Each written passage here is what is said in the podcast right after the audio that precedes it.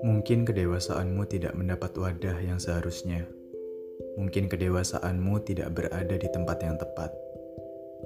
Kedewasaanmu bertemu seseorang yang belum mampu merawat perubahanmu. Ketika kamu tahu apa yang salah dalam dirimu, keburukan yang sudah tumbuh dan ingin kamu bunuh, serta begitu banyak ketakutan yang susah payah kamu tanggalkan, ternyata menemui kesia-siaan.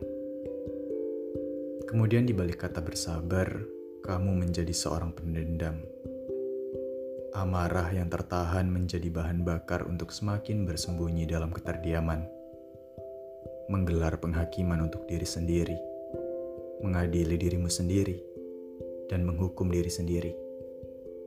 Pendendam atas banyaknya upaya yang tidak pernah didengar menjadi pendendam atas diri sendiri atas ketidaksiapan orang lain pada perubahan yang kamu lakukan. Mereka tidak pernah menyadari seberapa besar keinginanmu untuk membuat mereka mengerti, sehingga kamu kewalahan dan menganggap bahwa mereka tidak perlu lagi mengetahui apa pun yang kamu rasakan. Sisi pendendam yang tumbuh dan menuntut ketidaksabaran sisi pendendam yang tidak memberikanmu kesempatan untuk belajar lebih jauh arti kata sabar. Bahwasannya, sabar itu bukan hanya tentang sikap dan pembawaan, melainkan tentang keputusan.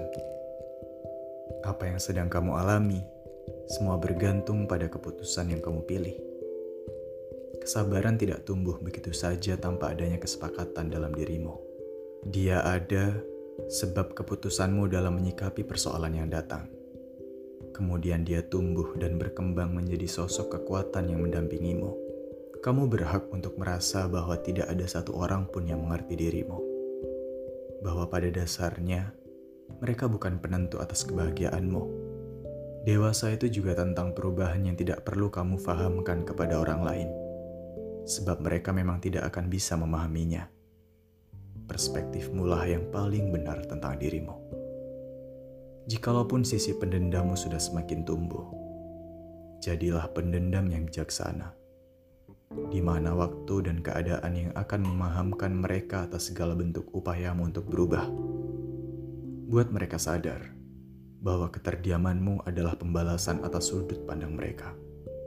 Bahwa pada saat itu, kamu menjadi sosok yang tidak perlu mengutarakan apa pun dengan kata-kata.